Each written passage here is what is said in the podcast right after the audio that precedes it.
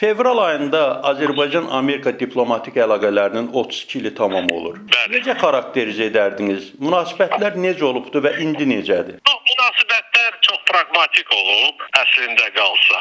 Amma bir problem həmişə ortaya çıxırdı ki, bu münasibətlərin bir hissəsi Ermənistan-Azərbaycan münaqişəsi ilə bağlı olub və burada mənfi təsir edici amillər, o cümlədən diaspora ilk növbədə o mənfi təsir göstərir. İndi isə qısa desək, Azərbaycan və axırıncı e, dövlət katibi ilə görüşdə belə bir təklifmi, taktikamı tətbiq eləyir ki, yəni iki tərəfli buna e, əlaqələr qarşılıqlı şəkildə maraqları nəzərə alarkən keçirməlidir. Amma münaqişə mövzusu bunlara təsir eləməməli. Yəni təxminən bu məntiq e, ya da davranış qaydaları hesab eləyirəm ki, ə, olan ə, problemlərin həllinə gətirib çıxardacaq. Amma ötən ilin sonunda hətta rəsmi qurumlar belə iki ölkə arasındakı münasibətlərini gərgin kimi qiymətləndirmişdi və tənqidi notlarda çıxışlar daha da çoxalmışdı. Yəni Bəli. bu münasibətlərdə hansı problemlər qalmaqdadır? Həmin bu mən dediyim məntiq. Yəni e, bəzən e, erməni diasporanın təsiri altında biz görürük ki, da Amerika rəsmiləri də bu mövzuyu gündəmə gətirirlər. Və burada biz görürük ki, e, obyektivlik elə bir mövcud deyil. Çünki biz görürük ki, e, Amerika Birləşmiş Ştatları bu mövzuda e, daha çox balaslaşmış mövqe e, sərgiləmir.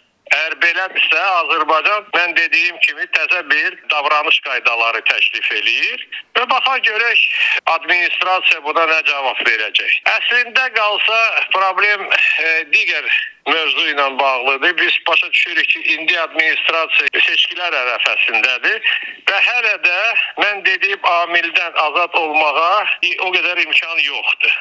Amma əminəm ki, seçkilərdən sonra Azərbaycanın təklif elədiyi taktika qəbul olunacaq. Amerika Birləşmiş Ştatların iki tərəfli münasibətlərdə bir xeyli sayda ə, maraqları var.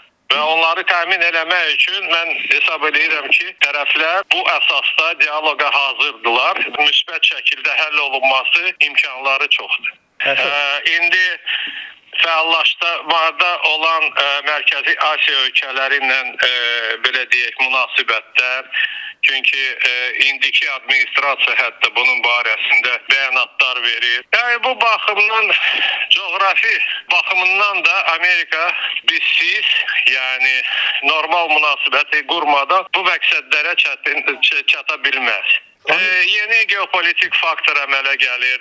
Türk dövlətlərin birliyi, e, Ee, Çin faktörü, İran faktörü vesaire bunları nezere alarak yani bizim əlaqələrin inkişafına böyük bir potensial imkanlar mövcuddur. Sadəcə olaraq bu mənfi amil, mən dediyim, Amerikada erməni lobbisinin fəallığı bəzən bəllidir ki, bu daxili siyasi bir amildir. Eyni zamanda ə, Amerika Birləşmiş Ştatlarında.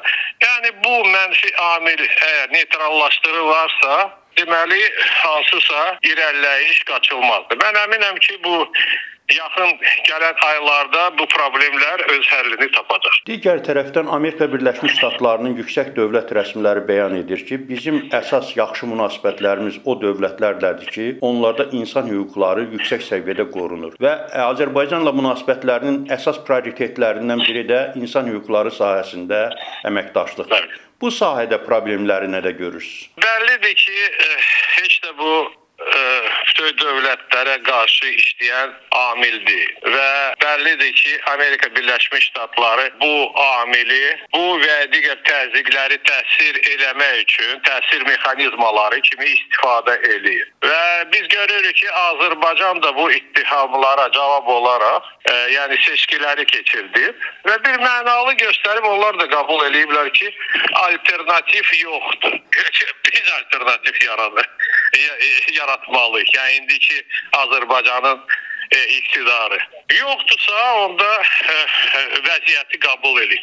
Yəni bu ə, diskussiya olan məsələdir və təzyiqlər üçün istifadə olan ə, amildir. Bunun da müzakirəsi heç də problemli olmayacaq mən hesab edirəm. Yəni bizim də eyləsi arqumentlər var bu mövzuda. Bəlkə nöqsanlarımız da var. Mən bunu istisna eləmirəm. Amma bunlar dialoqla həll olunan mövzulardır.